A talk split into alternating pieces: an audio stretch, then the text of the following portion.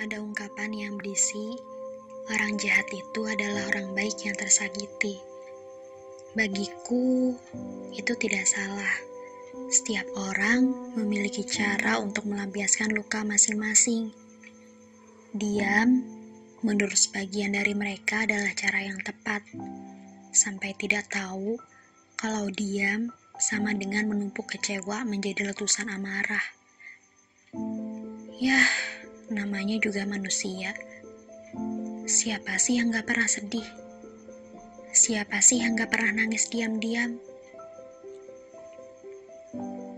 Meskipun kita manusia memiliki tuas untuk mengendalikan diri, maksudnya seperti tahu kapan waktunya menangis, tersenyum, dan tertawa.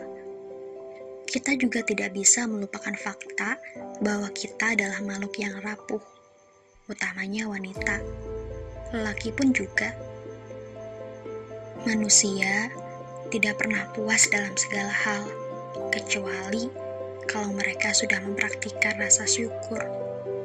Tidak apa, kecewa wajar kok, tidak sesuai ekspektasi juga wajar. Tapi jangan berhenti jadi orang baik ya.